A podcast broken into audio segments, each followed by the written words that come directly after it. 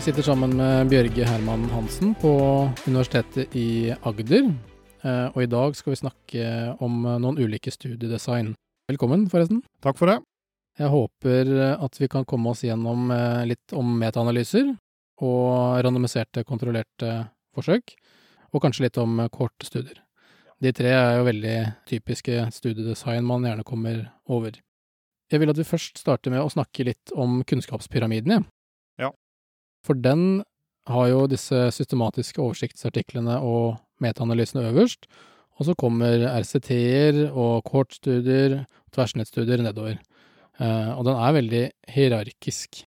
Og så har jeg sett eh, noen eh, artikler og noen ulike modeller som har en annen fremstilling av kunnskapspyramiden. Man kritiserer denne hier hierarkiske fremstillingen. Hvorfor kan den være misvisende?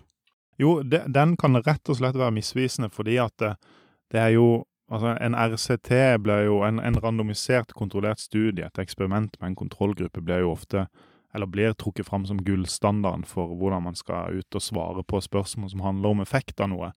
Men det er klart, en dårlig gjennomført, randomisert, kontrollert studie er jo ikke bedre enn en godt gjennomført kohortestudie.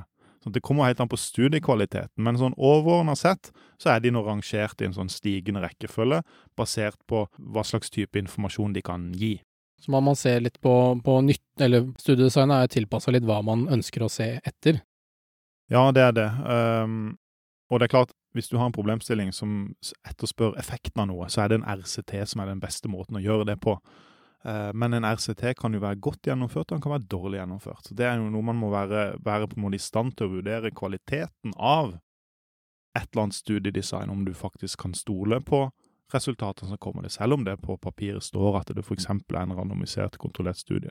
Så er det nok av dårlige randomiserte, kontrollerte studier. Og det er jo egentlig en uh, ganske fin overgang til metaanalyser. De baserer seg gjerne ofte på randomiserte, kontrollerte studier. Uh, mange av dem i hvert fall. Og, og, det kan være interessant å se på sammenhengen mellom kvalitet der. Vi kan komme inn på det litt seinere, men, men, først, hva, hva, er en metaanalyse, og hva er fordelen med en, en metaanalyse? En metaanalyse er jo rett og slett det verktøyet man bruker for å sammenstille og oppsummere informasjonen man finner i en systematisk litteraturoversikt. Sånn at det, en systematisk litteraturoversikt, eller en, en kunnskapsoppsummering, og en metaanalyse henger sammen. Skal man få tak i kunnskapsstatus på et eller annet felt, så istedenfor å, å lese gjennom um, alt som finnes av tilgjengelig forskning, så kan man først undersøke om det er noen som har gjort den jobben for deg. Altså oppsummert alt som er gjort på et gitt felt, og gjort en kvalitetsvurdering av de tingene som faktisk er gjort. Hvis man da har oppsummert all forskning som går på eh, f.eks. For eh, forebygging av eh, leddbåndsskader nå, nå, er jeg ute i en sånn, nå svømmer jeg i en sånn begrepsområde som ikke er sånn kjempevant i, men, men, men jeg har jo, har jo, mange kolleger som har jobba med sånn type forebyggingsarbeid med tanke på kneskader. Og det er klart, hvis du da oppsummerer alt som er gjort, og studiene som du oppsummerer er sånn til en viss grad iallfall sammenlignbare, så kan du gjennomføre det som heter en metaanalyse. Det vil si at hvis si du har funnet fem studier som, du, som omtaler det du lurer på, som har tilstrekkelig kvalitet, som er samme populasjon som du ønsker å si noe om, så kan du tenke deg da at istedenfor fem enkeltstudier, så, så, hiver du alle disse studiene inn i en miksmaster og får ut ett estimat som representerer summen av alle studiene. Så en metaanalyse på en måte gir et sikrere svar på det som de studiene har undersøkt. Da. Så, så, så et, et Svaret fra en metaanalyse oppsummerer på en måte all forskning som er gjort på et felt.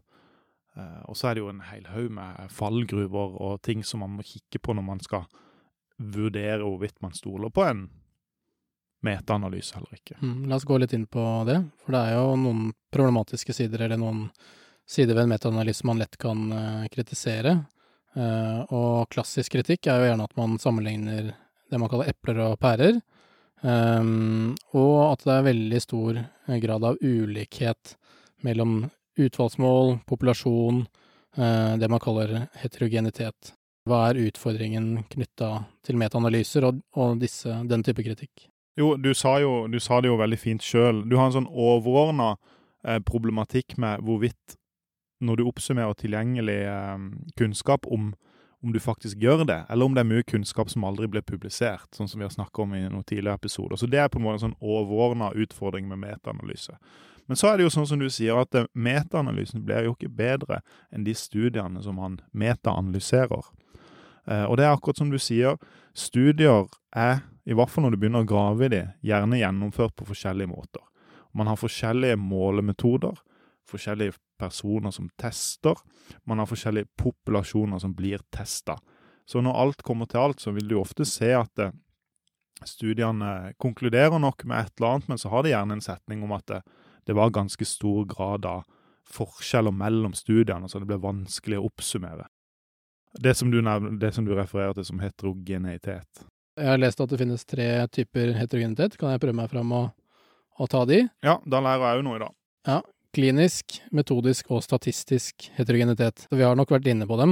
Det handler jo om, eh, om variasjon av deltakere, eh, variasjon av type intervensjoner, eh, variasjon i utfallsmål og studiedesign og målemetoder. Så det er mange typer variasjon man kan ha, men, men kan man ikke møte, med, møte, denne kritikken med å si at det er akkurat det en metaanalyse er, at den skal sammenstille alle disse typer studiene? Fordi det kan jo ikke være den samme studien, det er jo forskjellige typer studier man skal sammenstille. Jo, det kan du si, men samtidig så, når, når, når studiene er forskjellige, og du prøver å slå dette sammen, så introduserer du masse støy inn i analysene dine. og Støy og måleusikkerhet inn i analyse fører generelt til at man finner svakere sammenhenger. Så det, det er, uansett så er det problematisk. Akkurat hvordan man skal håndtere det, er, er ikke så lett å si, men det, det, er en del sånne initiativ rundt forbi til å jobbe fram standardiserte protokoller for å undersøke ting. På samme måte som du prøver å lande på én standard for hvilken ladekabel som skal gå inn i en telefon, så er det på en del felt som man jobber fram anbefalte protokoller for å undersøke en effekt av et eller annet klinisk tiltak, f.eks. Så det, det økt standardisering er, er viktig for, å liksom bringe feltene framover, og også at man er så nøyaktig som overhodet mulig når man eh, presenterer resultatene sine, sånn at det faktisk er mulig å gjøre disse metaanalysene. Ja, eksempel i fysioterapien så vil man jo gjerne ha veldig forskjellige typer eh, intervensjoner, og mange av studiene også vil jo ha flere intervensjoner samtidig. At man ser på trening, men så kaster man på noe manuell terapi eller mobilisering eller et eller annet annet, så det er på en måte ikke en sånn helt clean intervensjon. Og så sammenligner man liksom en del av den intervensjonen i en metaanalyse, men, men alle disse andre faktorene også vil jo kunne spille inn, da. Ja, det fører til økt støy. Altså støy, eller variasjon som ikke du har kontroll på. Det er det statistikk handler om, å på en måte prøve å kontrollere eller forklare variasjon. Og det er klart, her er det, da, jo, mer, jo, jo, mer, forskjellige ting er, jo større variasjon blir det. Og det betyr at du klarer å forklare mindre og mindre og mindre. Men um, jo, altså, det, det, du sier med at ok, så har man en slags kjernebehandling, og så hiver man på andre ting også. Kanskje pasientene våre endrer litt atferd i tillegg, kanskje de plutselig begynner å spise bedre eller trener mer på fritida, så, så blir ting eh, vanskelig å isolere. Disse tingene vi jobber med, er jo, det er jo forferdelig komplekse systemer. Så det å bare undersøke en liten flis av noe, det gir jo på en måte ikke mening. Men på en annen måte, skal du gjøre det strengt vitenskapelig, så kommer du ikke ut, utenom det. For hvis ikke så, klar, så, så sauses alt sammen, og så vet du ikke hva som er hva. Så blir det da en veldig mer sånn generell råd kontra veldig spesifikke råd. Men det der er kjempevanskelig. og det med det å være, i hvert fall å være klar over at en, en, lever i en verden som er et forferdelig komplekst system, er jo verdt å ta med seg inn når man skal jobbe med forskning òg. For det, vi er liksom dratt mellom at ting skal virke der ute, kontra at det skal være hold i det vi rapporterer fra et eller annet prosjekt. Så det er kjempevanskelig. Vi hopper videre på randomiserte, kontrollerte studier. Det er jo et studie som de fleste kjenner eh, litt til, i hvert fall i fysioterapien. Så er det jo mange av dem, men kan vi si kort uh, hva, hva, det typisk vil være? Jo, det er rett og slett et eh, godt gammeldags eksperiment. Men nøkkelen er det der ordet randomisering, som gjør at det er tilfeldig om de som har meldt seg på en studie, kommer i kontrollgruppa eller intervensjonsgruppa. For hvis det er tilfeldig, eh, hvem som får behandling, og hvem som blir i en kontrollgruppe og da lever sine liv som vanlig.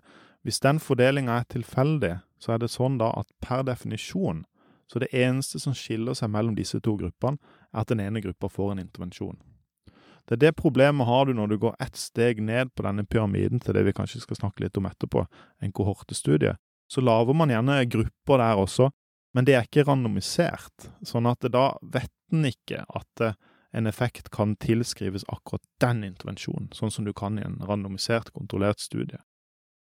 Men det vil eh, også noen ganger av tilfeldighet være sånn at gruppene er ulike selv i en randomisert, eh, kontrollert studie? Ja det har du helt rett i. Og jo mindre studien er, jo større er sjansen for akkurat det. Men det er sånn som man må sjekke. Da må du sammenligne, sammenligne gruppene så du må se på disse her pretestverdiene om gruppene ser faktisk ut til å være like eller ikke. Og Hvis ikke de er like, så må du sjekke om, om, eh, om forskninga har tatt høyde for det i sine analyser eller ikke. Har de ikke gjort det, så kan en jo bære, bære feil av sted. Hvis vi skal ta noen utfordringer med randomiserte, kontrollerte studier, så bør vi kanskje først uh, touche innom det som uh, handler om gyldighet, validitet, hvor man ofte skiller mellom den interne validiteten og den eksterne. Uh, hvor den interne Nå prøver jeg meg fram, så får du rette på meg. Ja. Nå får du testa om jeg lærte noe i, i kurset ditt. uh, den interne handler jo om kvaliteten på uh, studien. på intensjon og, og målemetodene og, og, og, hvordan gjennomføringene har vært. Og så er den eksterne validiteten handler om overførbarheten til det, det, det, store liv. Til i hvilken grad man kan generalisere resultatene fra studien. Har du noe å tilføre? Jeg har faktisk ikke så veldig mye å tilføre. Det er, det er veldig bra. Er som, altså, validitet er jo et stort begrep, og du kan snakke om validiteten til en målemetode. Om en vekt måler vekt, eller om det måler noe annet. Sant? Gyldigheten. Mens, mens, det du nevner, er jo validitet i et litt sånn større perspektiv. Om du intern validitet, kan du stole på at det du finner, stammer fra din intensjon, eh, ekstern validitet. Hvordan virker dette hvis du ruller det ut på alle helsestasjoner, f.eks.? Hvis vi skal ta fysioterapien, så vil man jo veldig ofte eh, Mange bruker spørreskjemaer som et utfallsmål på livskvalitet eller smerte eller forskjellige typer fenomener. Så da vil jo validiteten av det skjemaet i mer eller mindre grad reflektere det fenomenet. Smerte. I hvilken grad er en vasskskade et, et mål på smerte?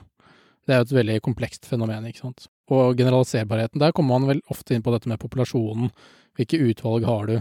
Eh, hvem kan man generalisere til? Men eh, kan vi si litt om, eh, om hvilke praktiske utfordringer man fort kan få i gjennomføringen av en RCT, og hvordan det spiller inn på disse? Eksempel med testing. Ja, jeg kan, jeg kan, jo prøve å si noen ord. Det, det er klart, enten så, så, er dere som hører på skal gjennomføre en studie, eller dere er er med som ett av flere partnere i en studie, eller du leser forskning fra en randomisert, kontrollert studie. Men, men, som med all mulig annen forskning, så er det på en måte forskningsspørsmålet som er helt sentralt. Og det høres ut som en klisjé, men det, det, en, kan, en, kan, ikke jobbe nok med problemstillinga si før en setter i gang. Men akkurat når det gjelder gjennomføring av en randomisert, kontrollert studie, så er det jo mange, veldig mange ting å, å tenke på. Det er et komplekst, vanskelig, dyrt tidskrevende studiedesign å gjennomføre. Men det er allikevel en del, en del tommelfingerregler som du, kan, eh, som du må ta med deg når du planlegger, eller som kan legge merke til når du leser. Og det er jo sånne ting som eh, hvem, er det som har, eh, hvem er det som er med? Sånn, hvem er det som melder seg? Hva, er, det no, er det noe som kjennetegner individer som blir med i studien, i forhold til den populasjonen du ønsker å bruke disse individene til å si noe om? Det er jo smerteforskningen i fysioterapi, eller generelt, den er jo veldig spesiell. Hvem, hvem er det som melder seg til et smerteeksperiment? Ja, ja, ikke sant. Ja, hvem er det? Sånn basisforskning på smerte, hvem er det som melder seg til å få støt, kulde, smerte påført? ja, nei, ja, ikke meg i hvert fall. Nei, så det, det er jo Og det, det, gjelder alt. Altså, hvem er det som er Hva er datagrunnlaget som ligger til grunn for dine konklusjoner? Det gjelder jo uansett. Men videre, da. Eh, denne randomiseringa er jo hele nøkkelen her. Enten så randomiserer du bare med en loddtrekning. Du går der, du, går, du tar, går til høyre, du går til venstre, du går til høyre, du går til venstre. Hvis du er avhengig av å sørge for en lik aldersfordeling, kjønnsfordeling, en eller annen variabel som du ønsker å sørge for at det er like mange av hver i, i hver av disse to gruppene, så kan du gjøre mer avanserte former for randomisering. med det, det er ikke noe vi behøver å, å ta her nå. Men, men, men videre så er det jo kjempeviktig å se på i hvor stor grad gjorde intervensjonsgruppa som de fikk beskjed om, og i hvor stor grad gjorde kontrollgruppa som de fikk beskjed om, altså, altså ikke gjøre noen ting. Hvor mange treningsøkter deltok intervensjonsgruppa på? Endra kontrollgruppa sin atferd? Ble de irriterte fordi de havna i en kontrollgruppe så de begynte å trene på egen hånd? Altså Sånne ting er jo en helt, en helt nødt til å ta det med inn i vurderinga. Og så kan du se på hvor lenge har intervensjonen vart. Jeg, jeg har ikke noe forhold til akkurat dette, men hvor lenge trenger man behandling for å i det hele tatt kunne forvente en forbedring i en eller annen funksjon? Er studien gjennomført over lang nok tid? Er intervensjonen tøff nok? Der er for eksempel uh, stretching er jo en, en sånn klassisk tiltak i fysioterapien. Ja. Og en veldig interessant doktorgrad av uh, hun uh, Marie, Marie Moltebakk, ja. ja, på mm. NIH. Mm. For det en stretching-intervensjon, hvor lang tid må den være? Og der tror jeg nå, de har jo tøyd i er det opp til et halvt år eller noe sånt. Jeg, jeg har ikke lest doktorgraden, jeg har bare hørt om den, så ingen får sitere meg for hardt på det. Men, men jeg tror det er et halvt år, og ganske sånn hardt regime. Så der er det et klassisk eksempel på funker stretching, eller funker det ikke, og på hva? Men hva må i hvert fall en stretching-dosering være for at det skal ha en eller annen type effekt, da. Så hvis man har en treukers intervensjon, så kanskje man ikke får det man vil uansett. Absolutt. Det er ting som er helt essensielt å vurdere, og jeg vet ikke om du ut Du får bare klippe ut nå, men det er jo det er mange eksempler på Det er mange studier som viser ingen effekt, men så ser du på, på varigheten av intervensjonen. Ser du at den har f.eks. vært ett år for å endre en eller annen atferd blant barn og unge en typisk atferdsendringstiltak.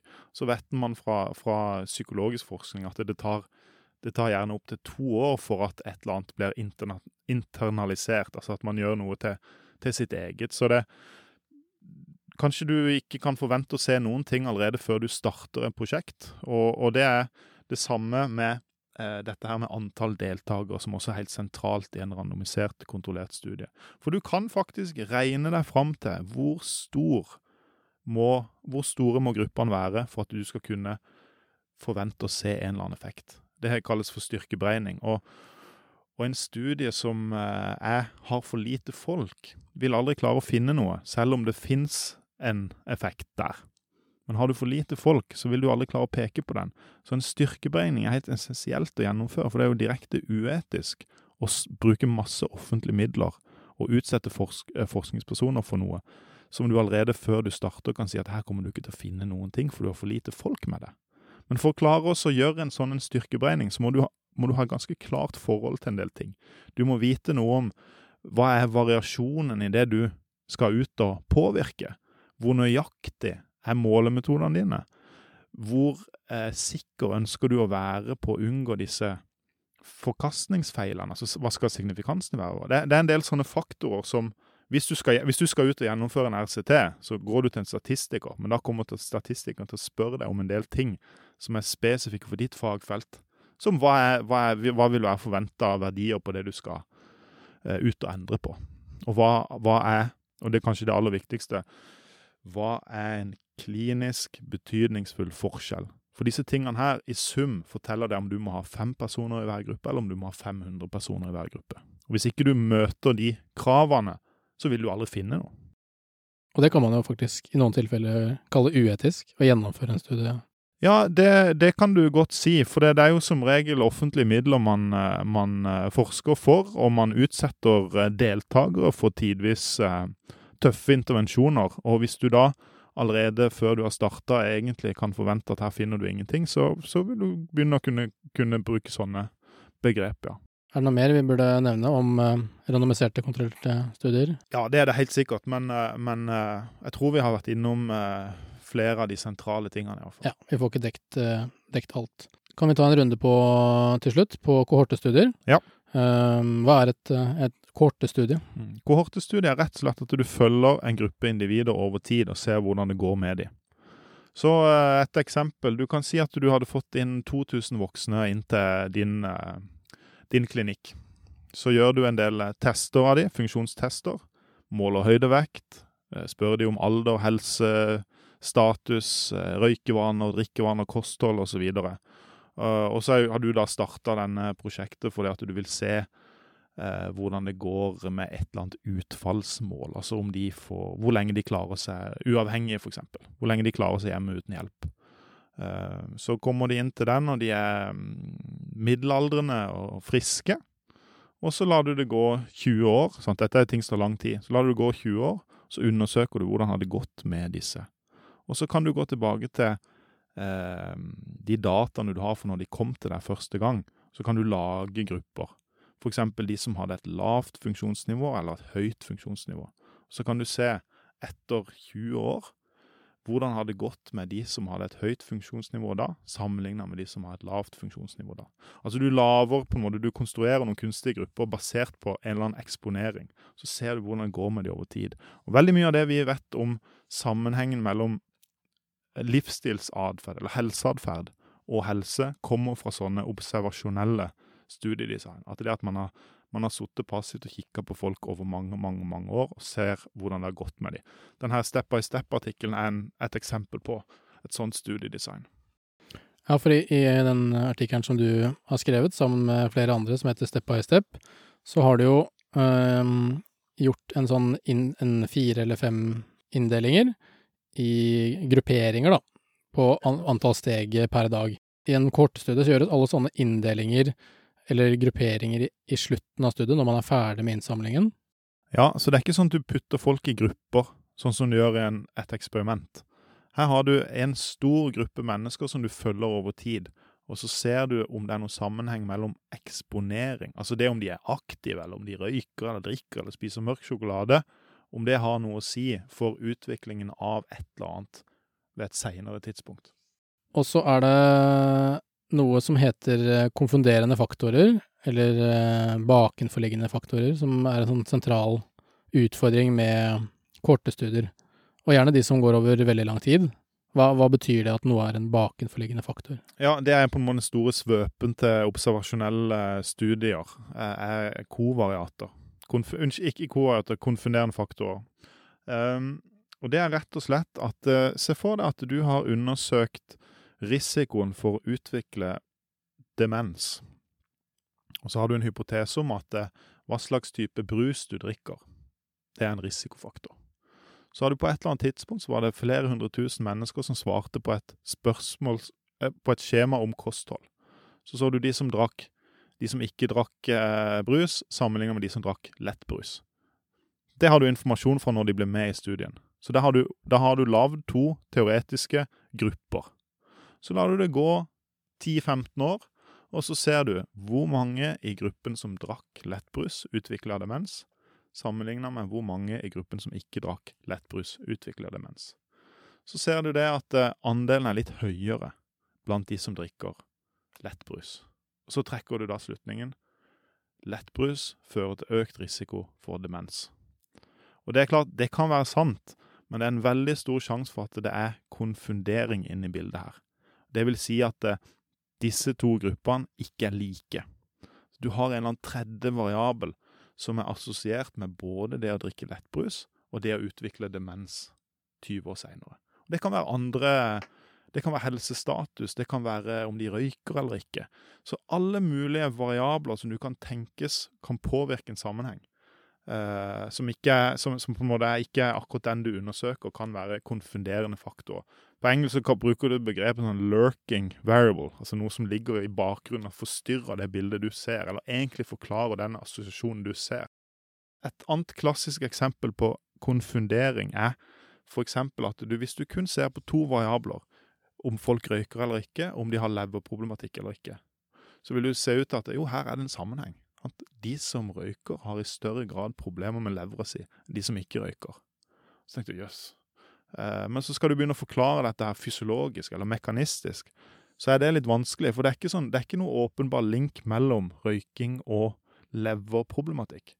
Så kanskje det er en eller annen sånn konfunderende faktor her. Altså en faktor, en variabel, som er assosiert med både det å røyke og leverproblematikk. Og hva kan det være? Jo, det er typisk at det er alkohol. alkoholinntak. For det er nå sånn at de som røyker mye, i større grad drikker mye, og linken mellom alkohol og leverproblematikk, den er soleklar. Så i forholdet mellom eh, røyking og leverproblematikk, så har du en konfunderende faktor som heter alkoholinntak, som du er helt nødt til å ta høyde for når du skal undersøke dette. her. Hvis ikke så blir det feil.